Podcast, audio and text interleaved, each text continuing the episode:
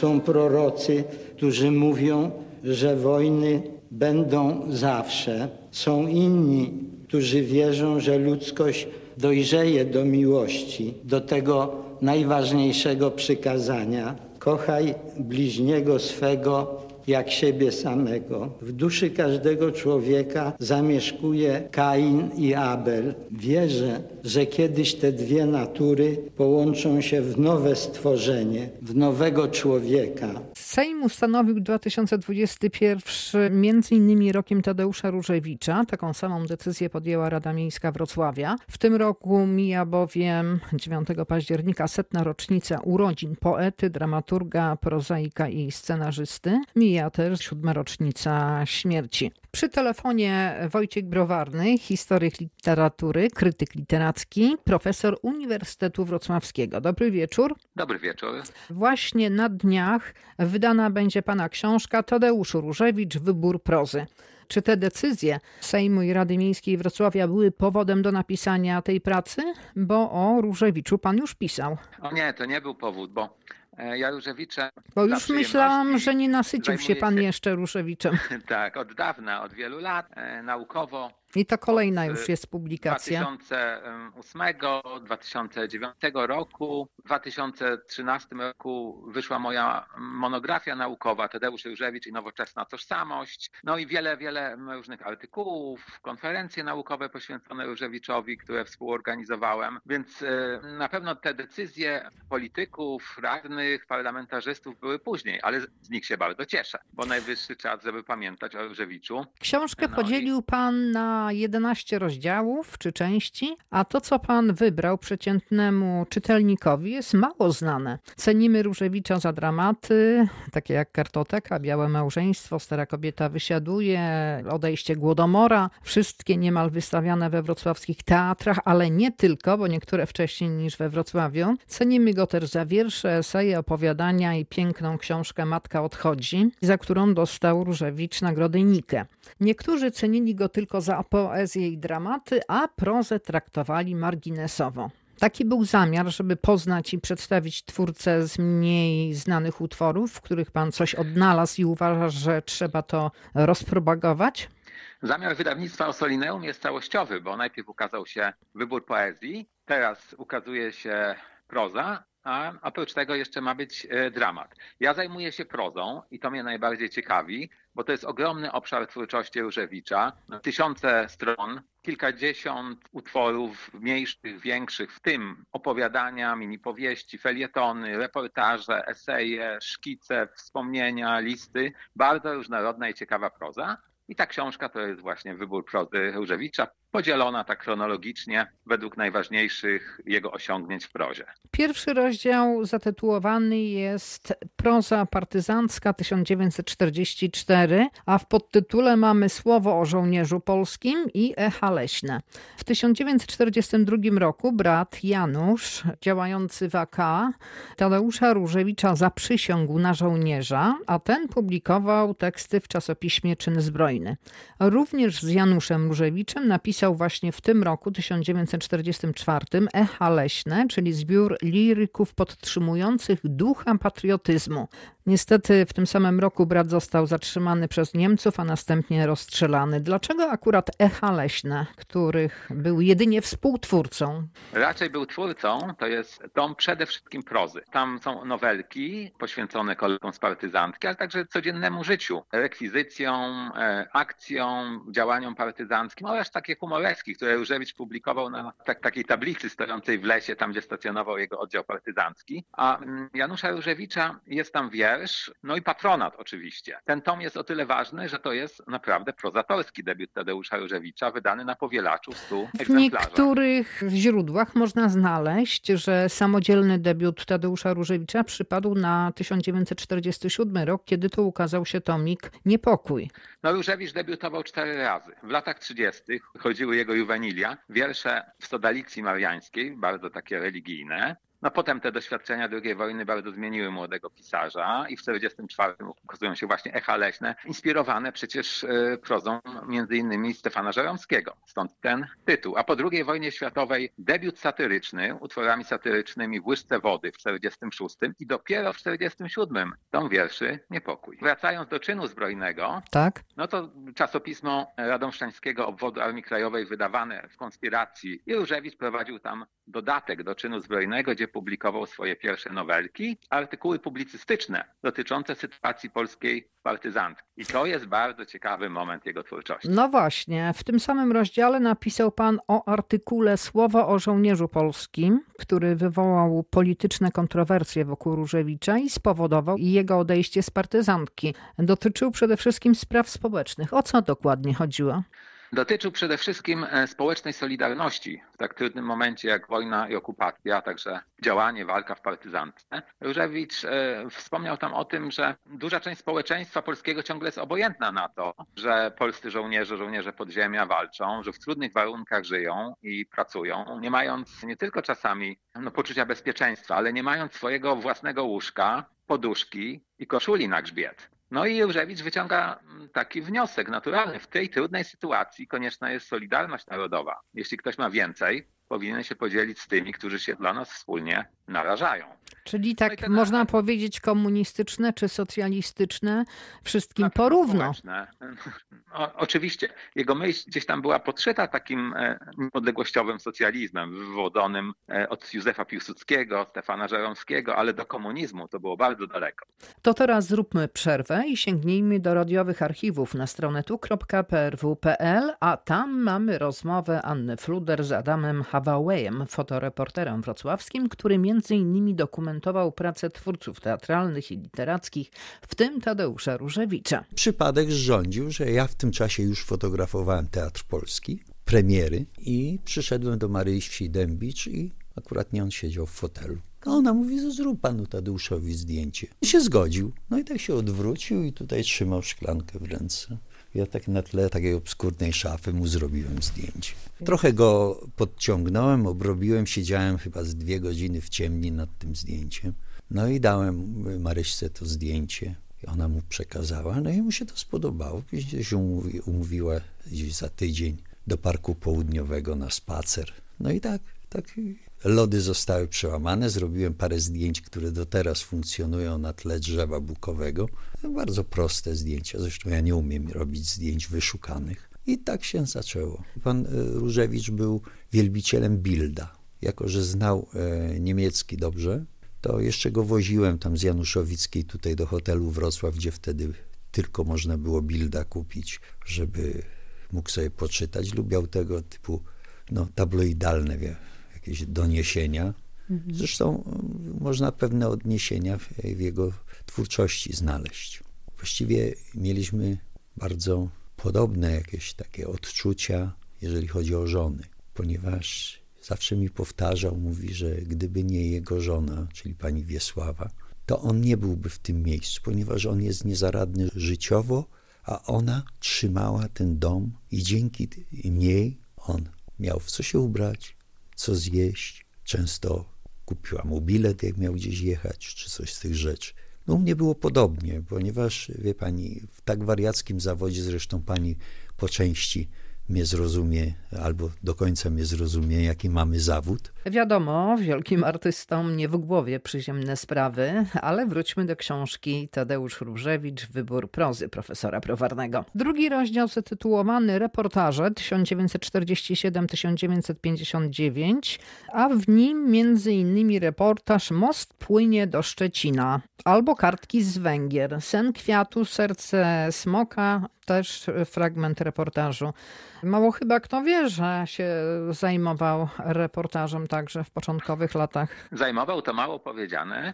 No Różewicz Kilkanaście wojnie lat. był po prostu dziennikarzem. Tak, dziennikarzem, reporterem, reportażystą. Sam pisał, że prowadził wtedy koczowniczy tryb życia. Tak. Jeździł po Polsce i Europie Środkowej. To są jego właściwie pierwsze większe podróże na ziemię No i co w tym takiego 1947 ważnego jest, że pan wybrał Most płynie do Szczecina? No bo to jest Co- też opowieść o tej naszej części kraju. Różewicz jako młody poeta podejmuje takie zadanie reporterskie. Siada na barkę w Kędzierzynie Koźlu. I bada ziemię odzyskane. Tak, i płynie Odrą razem z szyprami odrzańskimi. To jest obszar bardzo wtedy nieznany, zniszczony i bardzo interesujący. I Różewicz przepływa razem z transportem żelaznego mostu, bo mosty trzeba wtedy zrekonstruować, są zniszczone, i opisuje, jak zaczyna się nowe życie na ziemiach zachodnich. A kartki z Węgier? Po co pojechał na te Węgry? No to była taka wymiana między krajami socjalistycznymi, wymiana pisarska i kulturalna. Różewicz z niej skorzystał pod koniec lat 40., bo wyjeżdżał także do Czechosłowacji. Wtedy po raz pierwszy też widział Sudety, po raz pierwszy widział zburzony Wrocław. No i na kilka I miesięcy. chyba po raz pojechał- pierwszy zobaczył morze. Tak, jak po II wojnie światowej po raz pierwszy zobaczył na własne oczy morze i prawdziwe góry. No ale wracając do kartek z Węgier, no to była de facto socjalistyczna książka, bo ona powstała w okresie stalinowskim, inna nie mogła być. I było tam sporo takiego wychwalania ustroju, ale pomiędzy tymi pochwałami było bardzo dużo też krytycznych, cierpkich uwag. I przede wszystkim skupienie nie na ideologii, ale na zwykłym, prostym człowieku. Więc można powiedzieć, że w sensie reporterskim Różewicz zrobił dobrą robotę. Pokazał nie tylko budowanie socjalistycznych Węgier, ale także no, takie nieoczywiste, ciemniejsze, trudniejsze strony tego życia. Porównywał tę sytuację na Węgrzech y, z Polską? Niespecjalnie, raczej przyglądał się realiom na przykład węgierskiej puszty, e, życiu górników, Polonii węgierskiej, sprawom wielkiego miasta, odbudowy, budowania kultury po II wojnie światowej. Oczywiście było to też zadanie ideologiczne, tak trzeba, o tym trzeba było pisać. Ale między wierszami Różewicz uchwycił także to, co było niepoprawne w tamtym systemie, czyli na przykład skupienie się na osobach trochę wykluczonych, na, na konfliktach, na tym, że ta propaganda przesłania realne życie. To nie były tematy dobrze widziane. w Ale były drukowane. Różewicz, podobnie jak inni pisarze, opanował mowę ezopową i gdzieś Mhm. pomiędzy wierszami udało się wiele przemycić.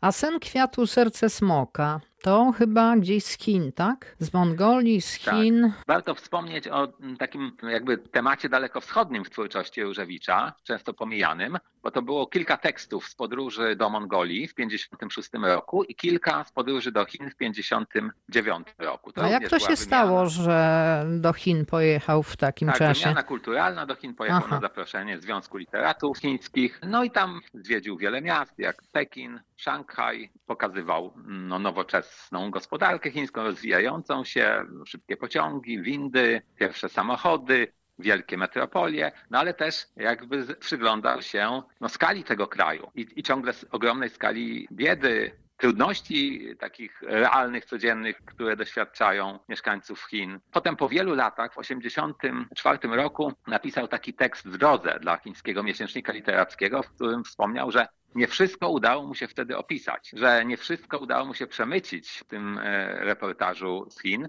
że często nie widział cierpienia zwykłych ludzi. Podróże pisarza na przełomie lat 40. i 50. Po powrocie z tej reporterskiej wyprawy, pisarz zakończył, jak pan wcześniej mówił, koczowniczy etap w życiu i osiadł na stałe w Gliwicach, a kilka lat później rozpoczął okres intensywnych podróży literackich, które objęły większość krajów Europy, między innymi Włochy, przede wszystkim Włochy i Francję. Nie wszystkie z tych wyjazdów zaowocowały jakimiś dłuższymi reportażami czy narracjami. Tak, to przede wszystkim trzeba wspomnieć o Paryżu, o Francji i o Włoszech, gdzie Różewicz był kilkukrotnie, ale też kilkukrotnie był w Niemczech, w Austrii, e, w Skandynawii, w krajach Europy Środkowej, Południowej i w Stanach Zjednoczonych. To łącznie kilkadziesiąt podróży w latach 60. i w latach 70.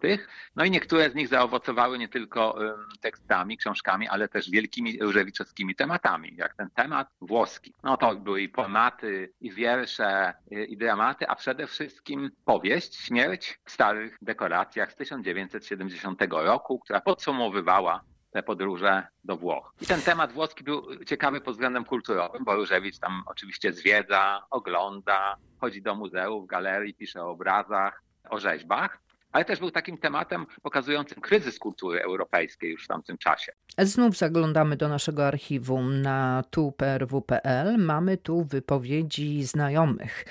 Posłuchajmy, jak postrzegali Tadeusza Różewicza profesor Janusz Degler, Maria Dębicz, znajoma poety i Jan Stolarczyk z wydawnictwa dolnośląskiego. To jest zmarnowany reporter. Jeździł jako dziennikarz, reportaże pisał na zamówienia. I rzeczywiście on ma bystre oko. Wyłowi to, co jest gdzieś schowane, ukryte elementem trzecio-czwartorzędnym, ale z jakichś powodów dla niego istotnych. On to wyławia. On ma oko bardzo bystre, oko reportera. Reportaże z Węgier, całą książeczkę wydał, bo mówię, zmarnowany reporter. I na przykład dlatego tak bardzo lubił, kiedy spotykał się z Kapuścińskim. Tak bardzo z nim lubił rozmawiać. Być może też w Kapuścińskim widział realizację tego, kim mógłby być.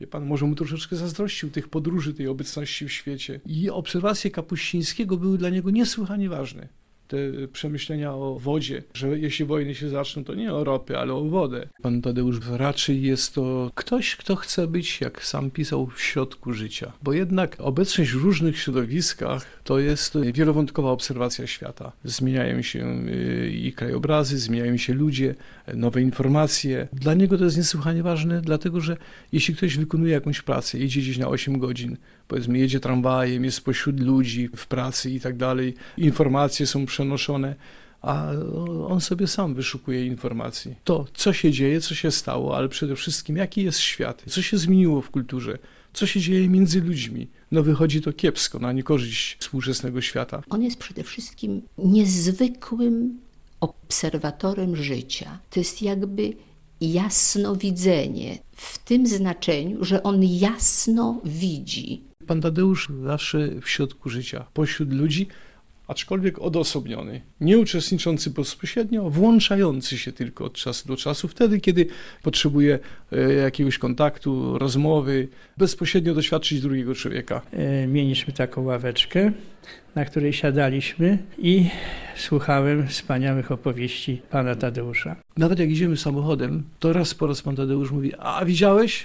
A co miałem widzieć? A, nigdy nic nie widzisz. Ja mówię, jak zobaczę, to, to zobaczymy się w rowie.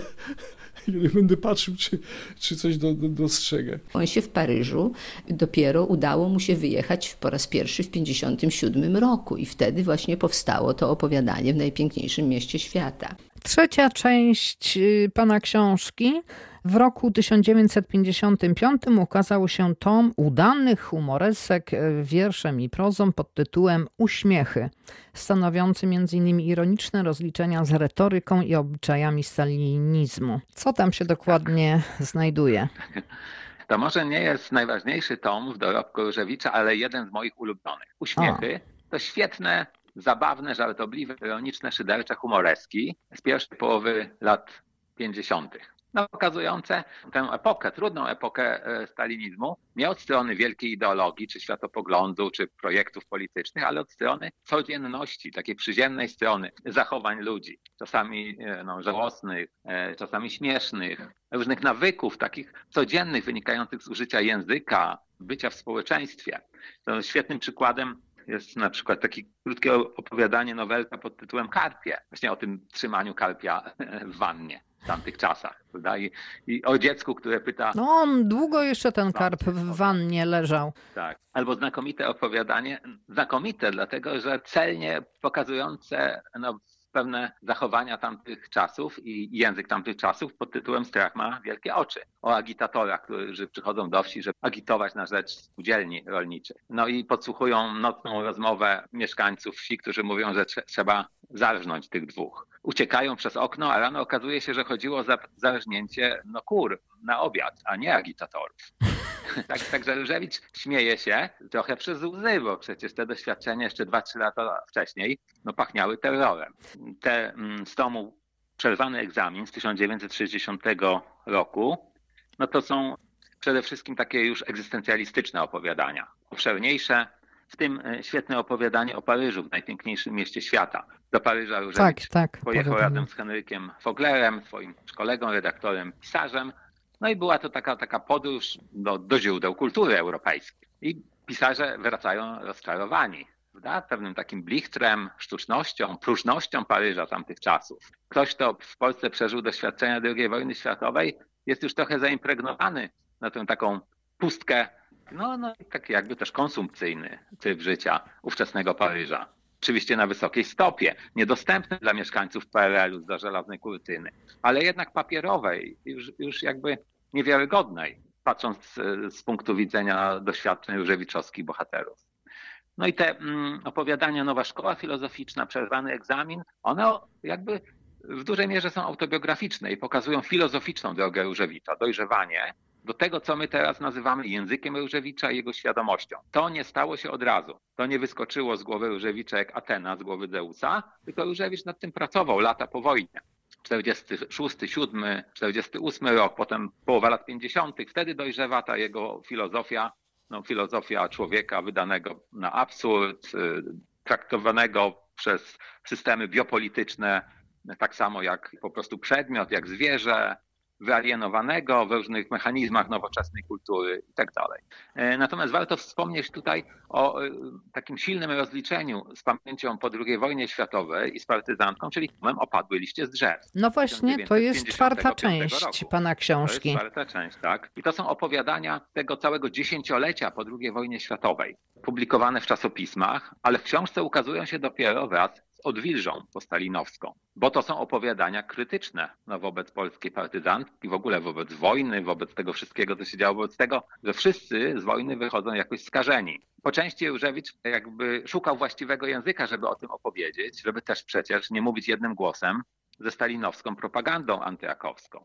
A jednak te opowiadania są bardzo gorzkie dla tych, którzy przeżyli II wojnę światową z bronią w ręku. No nikt nie wyszedł czysty i niewinny z niej. Opadły liście drzew to oczywiście jest parafraza słów brytyjskiego premiera Winstona Churchilla, Winstona który Churchilla, jesienią tak. 1939 roku opowiadał, że nim opadną liście drzew, Wielka Brytania ruszy na pomoc Polsce. Nigdy nie ruszyła i ta gorycz pozostała aż do końca okupacji. Mi się wydaje, że w ogóle cała twórczość Ruszewicza to gdzieś tam ma w podłożu II wojnę światową. Widocznie ją wyjątkowo emocjonalnie przeżył. Tak, Różewicz w pewnym sensie był takim strażnikiem tej pamięci, ale w każdej epoce pokazywał, że ta pamięć jest zupełnie inna, że to ludzie współcześni kształtują to, jak widzimy tę przeszłość. No bo tak, bo pisał także o Żydach, że Polacy chcą zapomnieć. Pisał, że był Pisał bardzo również. wcześnie, tak? Pis- O, o tym doświadczeniu zagłady. W tomie Opadły liście z drzew jest opowiadanie Tablica. To, Mhm. to była ta tablica, która stała na ulicy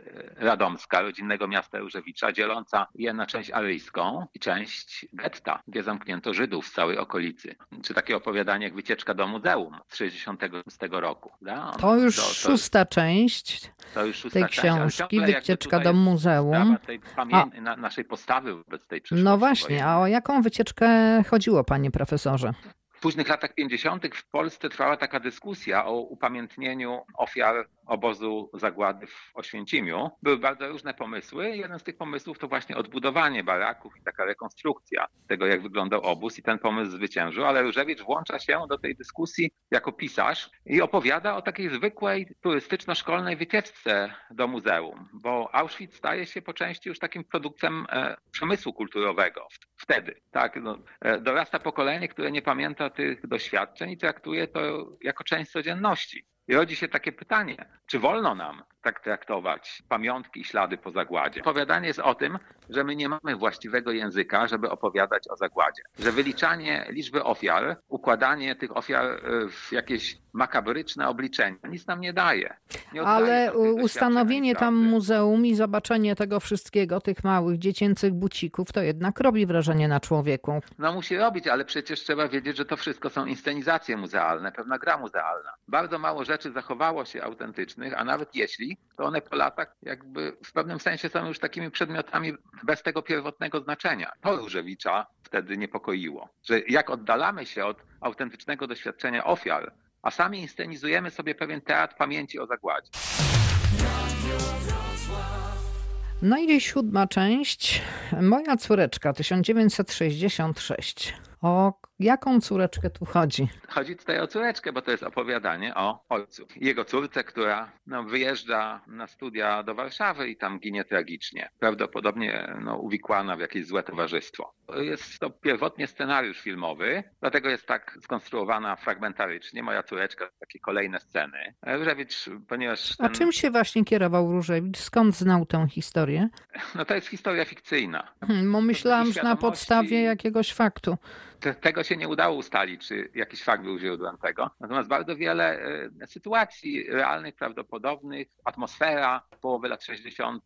mogły zainspirować Różewicza. Na przykład spór między państwem i kościołem, który tak śladowo jest czytelny w mojej córeczce. To milenium, tysiąclecie państwa polskiego. Ten spór o język, o to, kto będzie definiował scenę publiczną w Polsce. No i zagubiona jednostka w tym wielkim sporze toczonym przez władzę i Kościół. I ciągle jednostka wspominająca II wojnę światową, eksperymenty w obozach zagłady i pracująca na co dzień, żeby się utrzymać, w takich, takich zwykłych okolicznościach, takich codziennym życiu. To wszystko jest tam zmieszane, jest taka jakby magma doświadczenia połowy lat 60., która, no, ona nie jest tam intelektualnie wyjaśniona, ale bohater, szary, zwykły człowiek jest w nią wrzucony. I to jest o nim właśnie opowieść. Siódma część to Śmierć w starych dekoracjach, 1970 rok. To było to rozliczenie z tymi zachodnimi stolicami, tak? Tak, Śmierć w starych dekoracjach to opowieść, a więc również fikcja, opowiadająca o podróży zwykłego szarego człowieka, prawdopodobnie jakiegoś urzędnika, do Rzymu. Jest to jego taka pierwsza wielka podróż samolotem, a więc jest tam nowoczesność, technologia, skok do Rzymu z, między lądowaniem w Wiedniu. No i ten, ta, ta podróż jest okazją do takiego wewnętrznego remanentu. Co zwykły szary człowiek PRL-u ma w głowie, we wspomnieniach, w myślach. I tam jest naprawdę wszystko. Cała pula różewiczowskich tematów. Od to znaczy? wspomnień z dzieciństwa, z międzywojnia, takiego ubogiego, skromnego międzywojnia, przez połowę XX wieku i taki kontakt z totalitaryzmami, z zorganizowaną przemocą, aż po apetyty, które rozbudził PRL, takie apetyty powstającej wtedy polskiej klasy średniej w latach 60., która już chce się ubrać, już chciałaby podróżować. Tak zwana mała stabilizacja Zagomułki, tak? tak? Na razie może tylko do Bułgarii, ale czasami komuś udaje się wyjechać do Rzymu. I jeszcze do tego jest to taki remanent głowy polskiego inteligenta, który przecież tęskni do, do Rzymu, do Paryża, do Londynu, do, do sztuki, do kultury, która tam jest, ma świadomość tego. A jednocześnie jest kimś skądinąd, jest trochę takim ubogim krewnym. I to wszystko u Jest jeszcze dotknięte taką świadomością kryzysu zachodniej cywilizacji, że to już są trochę stare dekoracje, które okrywają zmieniający się świat, już zupełnie inny, którego nie da się wytłumaczyć tymi wszystkimi kulturowymi szablonami. Mała stabilizacja, tak, ale w wydaniu właśnie opowieści o prozie. I bohater małej stabilizacji, czyli taki trochę nijaki człowiek, ni to urzędnik, ni to inteligent, ni to ktoś, kto podróżuje, żeby zwiedzać muzeum, a może przy okazji coś pohandlować. Znamy to z lat 80. na przykład. Dziewiąta część z tomu Przygotowanie do wieczoru autorskiego 1971 rok. Fajny tytuł. I tutaj możemy przeczytać oko poety, gawędę o stafie Tuwimie i różach, do źródeł namiętności, no i jeszcze tutaj parę. Niedzielny spacer za miasto strawione. Tak, przygotowanie do wieczoru autorskiego, tom szkiców, felietonów, notatek, wspomnień z 1971 roku. Znów muszę powiedzieć, że jeden z moich ulubionych różewiczowskich tomów. To właśnie Groch z kapustą, bo to jest tom sylwiczny, o takiej bardzo otwartej kompozycji. No właściwie można by bez końca powiększać przygotowanie do wieczoru autorskiego i tak Różewicz robi, bo potem były następne wydania w 77, a potem w wydaniach zbiorowych znowu ten tom się pojawiał coraz bardziej poszerzony. I to jest taka opowieść o człowieku, intelektualiście, pisarzach w czasach nowoczesności, lata 70. Z jednej strony wyłania się już nowy świat, ten świat radiotelewizyjny, nowe pokolenia, które zupełnie inaczej traktują kulturę, historię, literaturę. Polska powoli zaczyna się trochę otwierać na kontakty ze światem. No, ta żelazna kurtyna staje się przenikliwa. I pojawiają się pytania o to, po cóż pisarz w takich czasach, w których właściwie zaczynają o świecie decydować bardziej gazety, wypowiedzi aktorów, celebrytów. Tak, to już wtedy. Nawet w Polsce, nawet w tej siermierznej socjalistycznej Polsce to jest odczuwane. Różewicz jakby zbiera się do tego, żeby opowiedzieć sobie ponownie, po co jest potrzebny jako pisarz. Ten tom jest właśnie o tym. Dlatego i wspomina swoje dzieciństwo, i początki swojej drogi artystycznej, jak się znalazł w Krakowie w 1945 roku i zaczął pisać swoje debiuty, swoje przyjaźnie literackie. A dlaczego wyjechał z Krakowa do Gliwic? Powodów przede wszystkim rodzinnych. Pani Wiesława Różewiczowa, żona poety, tam dostała pracę i mieszkanie. Pani Wiesława była też żołnierzem Armii Krajowej. To znaczyło, że w tamtych powojennych latach no nie w każdym miejscu mogła pracować i może nie w każdym miejscu mieszkać. Gliwice były na ziemiach odzyskanych, trzeba to pamiętać. Było to Czyli- niemieckie miasto. Otwierał się, otwierał się taki wentyl dla, dla tych ludzi, którzy byli trochę niepoprawni dla nowej komunistycznej władzy. Więc żona ściąga Różewicza właśnie do Gliwic. Tam dostają no, całkiem duże mieszkanie w kamienicy przy ulicy Zygmunta Starego. Tam się rodzą synowie Różewiczów i Różewicz tam prowadzi już takie dojrzałe życie. A czy ta znajomość z panią Wiesławą, to ona trwała od udziału w partyzantce? Tak, tak. Pani Wiesława, pseudonim Filis, była łączniczką Armii Krajowej w tym samym obwodzie co Tadeusz Różewicz. Znała też jego brata Janusza i w dzienniku z partyzantki, w tym fragmencie pod tytułem Akcja Burza, to jest dziennik z lata 1944 roku, Tadeusz Różewicz no tak sugeruje, że już jakby ma tam pewne kontakty z panią Wiesławą, chociaż pojawiają się także inne inicjały jego ukochanej osoby, inicjał litera B, którą trudno do końca rozszyfrować, ale prawdopodobnie jednak to nie jest Wiesława. A zatem ten związek, e, który potem stał się małżeństwem, no trwał długo. Korespondencji z Foglerami, do której wstęp napisała pani Wiesława Różewiczowa, jest wspomniane, że znali się już trochę wcześniej, jeszcze, jeszcze w czasach szkolnych pani Wiesławy, no ale nie rozwinęło się to natychmiast w taki bardzo bliski związek. To musiało trochę potrwać i co fascynujące, ślady tego, co się dzieje między nimi są widoczne w bardzo różnych momentach twórczości Różewicza. Trzeba je tylko uważnie wyłapywać. Będziemy próbować, a tymczasem w Pana książce zbliżamy się do lat 2000, więc żeby było chronologicznie, zajrzyjmy do naszego radiowego archiwum na stronę tu.prw.pl, a tam mamy prawdziwą perełkę sprzed niemal 30 lat. Króciutką rozmowę z naszym bohaterem. Mówię perełka, bo Tadeusz Różewicz nie lubił udzielać wywiadów i tylko nielicznym to się udało, jak na przykład naszej dziennikarce Elżbiecie Osowicz. Posłuchajmy. Doroczna nagroda prezydenta została panu wręczona za wydarzenie roku. Czy dla pana też właśnie to dzieło było wydarzeniem No, roku? Dla pana proszę, osobiście? proszę pani, ja nie jestem od oceniania swoich wytworów. To właśnie to, co mówią inni czytelnicy czy krytycy, to jest jakimś kryterium.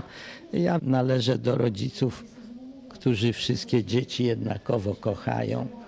To tak znaczy od niepokoju, a właściwie od jakiejś takiej jeszcze książeczki wcześniejszej, kiedy te dzieci zaczynały się uczyć chodzenia na dwóch nogach, aż do ostatnich już dorosłych tych dzieł. Wszystkie traktuję jednakowo, wszystkie mi są jednakowo bliskie.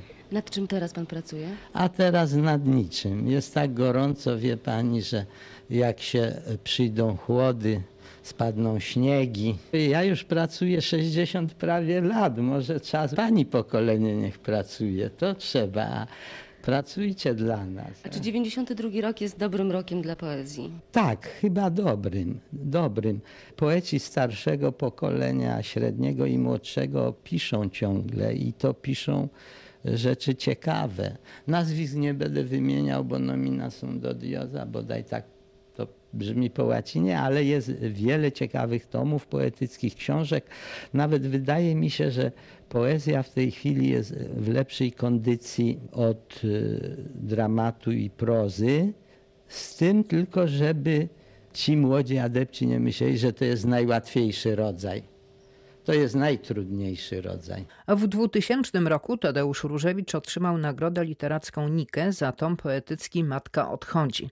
Z kolei w 2005 jego tomik wierszy zatytułowany Wyjście znalazł się w finale nagrody literackiej Nikę. Zdaniem krytyków to niezwykła książka, w której autor z jednej strony porusza problemy filozoficzne, ale z drugiej znajdziemy tam mowę potoczną, anegdoty i cytaty z mediów. Tadeusz Różewicz tak tłumaczył naszej dziennikarce Annie Kowalów tytuł. Tytuł tomu jest Wyjście, ale ukryty drugi tytuł jest Wejście. Autor nie chce tylko wyjść, w pewnym sensie wyjść ze swojej formy cielesnej, tylko chce jeszcze gdzieś wejść. Tu nawet jest taka ciemna jakaś szpara, drzwi on stoi, prawda? Zdaniem profesora Andrzeja Zawady, Tadeusz Różewicz to fenomen. Już na początku swojej twórczości zaproponował oryginalną poetykę, jedyną w swoim rodzaju. Choć miał wielu naśladowców, nikomu nie udało się choć w części mu dorównać,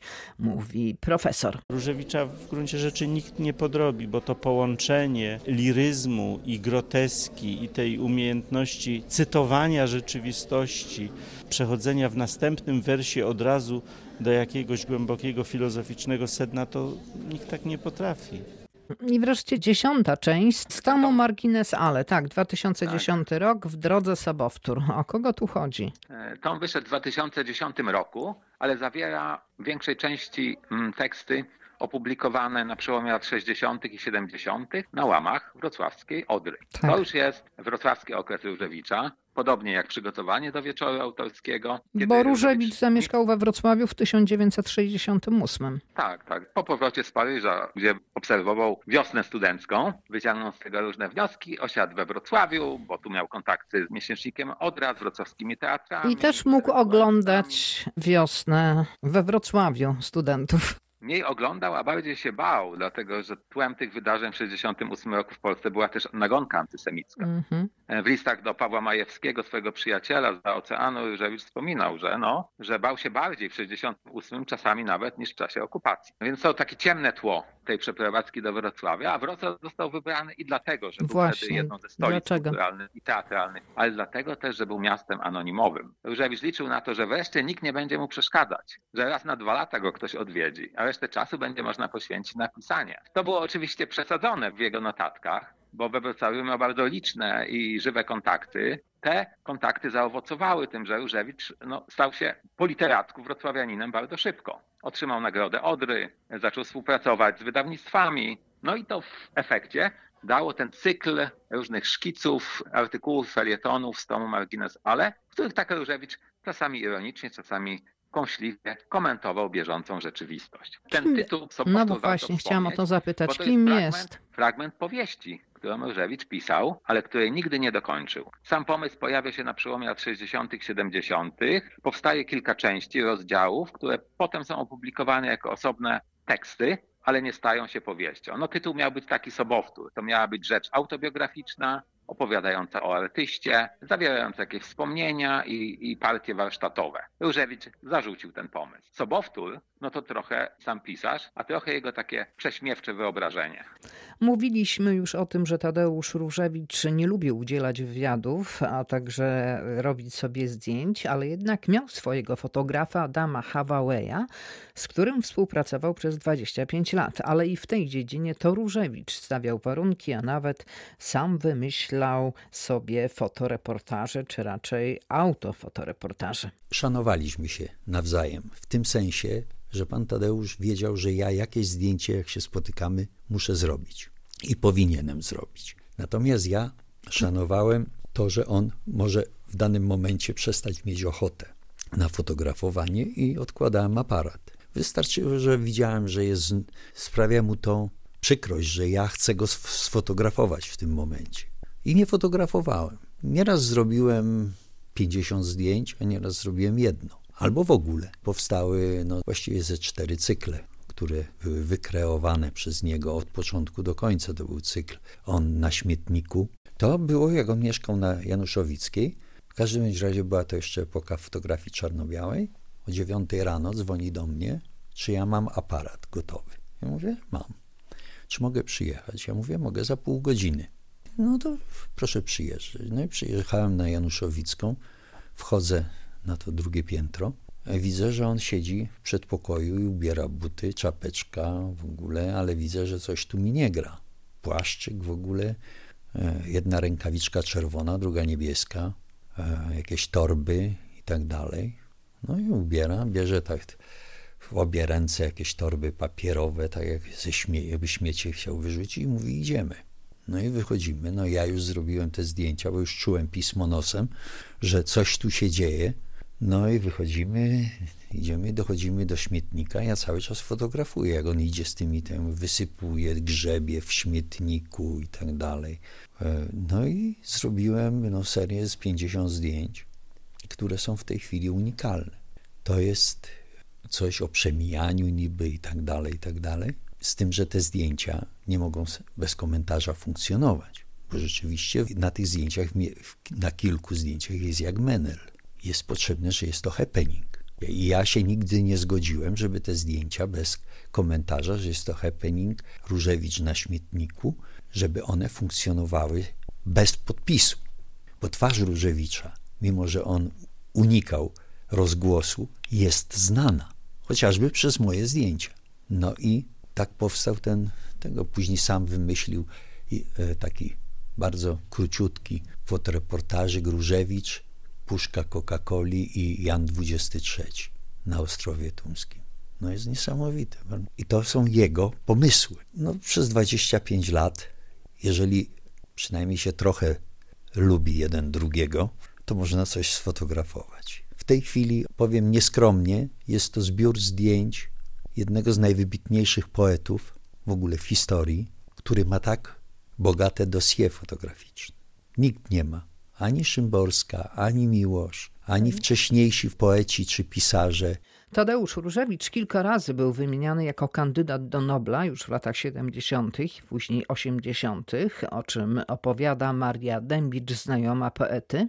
Swoją znajomość z twórcą podsumują też Jan Stolarczyk z wydawnictwa dolnośląskiego oraz profesor Janusz Degler. Różewicz już spotkał się z premierem Szwecji Tutaj do niego, do Wrocławia, przyjechała ekipa agencji prasowej e, szwedzkiej. Nasza agencja miała zlecone tematy o Różewiczu. Różewicz był rekomendowany do Nagrody Nobla przez Uniwersytet w Uppsali. Tam naprawdę działał jakiś fan klub Różewicza. Powiem jeszcze jedną rzecz.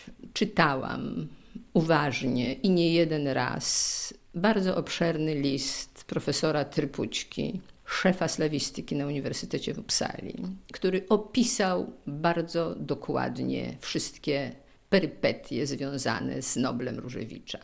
E, opisał również w tym e, niezwykle intensywne działanie władz PRL-owskich, ale nie w kierunku wylansowania pana Tadeusza, wręcz odwrotnie. Ja odczuwam to, że trafiło się po prostu coś takiego, że mogę obcować, być z takim człowiekiem. Mogę z bliska obserwować, czym jest dobrze skonstruowany umysł, artystyczny umysł. Jak myśli, jakich wyborów dokonuje. Ogromną radość sprawił mi właśnie pan Tadeusz Ruszewicz, z okazji mego benefisu i kiedy wyszła taka księga właśnie poświęcona temu zdarzeniu między teatrem a literaturą, księgę tę otwiera przepiękny tekst pana Tadeusza Spotkania.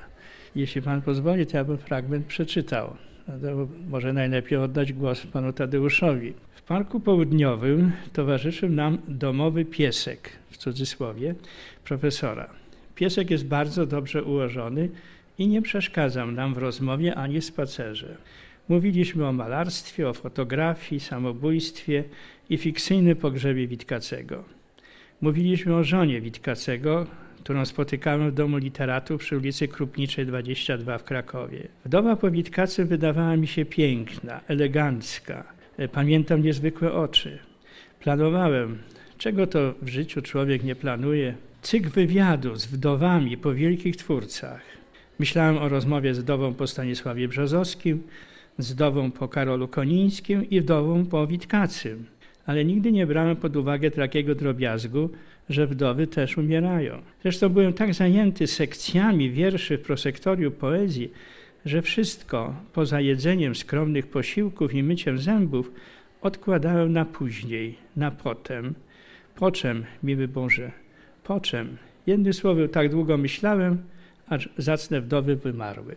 Czyli tak zapracowany artysta, który zapomina, że istnieje śmierć. W rzeczywistości było jednak inaczej, szczególnie podczas wojny, kiedy sam ocierał się o śmierć. I ostatnia część, drewniany karabin, 2002 rok. to proza zbierająca najważniejsze, a zarazem najbardziej drastyczne wątki nieoficjalnej biografii pisarza z tego okresu oraz ich współczesne konsekwencje. To co takiego było tajemniczego w życiu pisarza, że mówimy o nieoficjalnej biografii?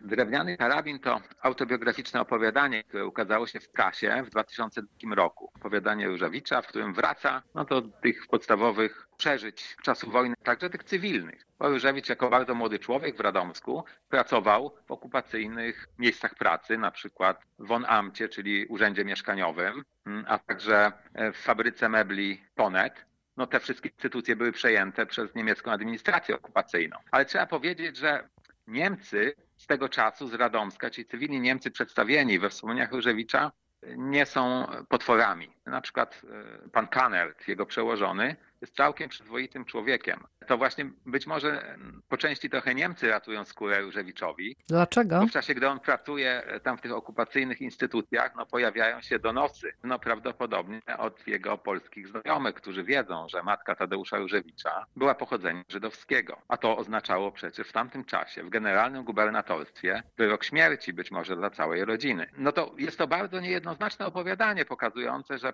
jakby po obu stronach byli dobrzy i źli ludzie. Nie zapominamy oczywiście, kto wywołał wojnę, kto okupował Polskę, kto prowadził zagładę, ale w tym pojedynczym, konkretnym wypadku no, ze strony Niemców też pojawiły się jakieś ludzkie odruchy. I to zostało tutaj zapamiętane jako taka jakby pełniejsza prawda o wojnie. I oczywiście doświadczenie też zagłady Żydów. No, Różewicz chodząc po tych pustych mieszkaniach, które zajmuje administracja niemiecka, wie, że to są mieszkania po Żydach, którzy właśnie zostali wywiezieni do getta albo do obozów zagłady. I wreszcie, jeszcze tak? taka, taka najbardziej boleśniejsza pamięć. Te powojenne oskarżenia Różewicza, że on przecież odszedł z oddziału Armii Krajowej. Tak. W pewnym sensie zdezerterował. Tak. Oskarżenia ze strony kolegów z partyzantki. I w tym opowiadaniu Różewicz mówi, że on nigdy, nigdy nie wyrzekł się jakby tego, tej swojej wojennej, patriotycznej misji. Nigdy nie splamił honoru działalnością w żadnej formacji, która byłaby podejrzana, która byłaby źle widziana. Jakby wypowiada tu jakby jeszcze raz to, że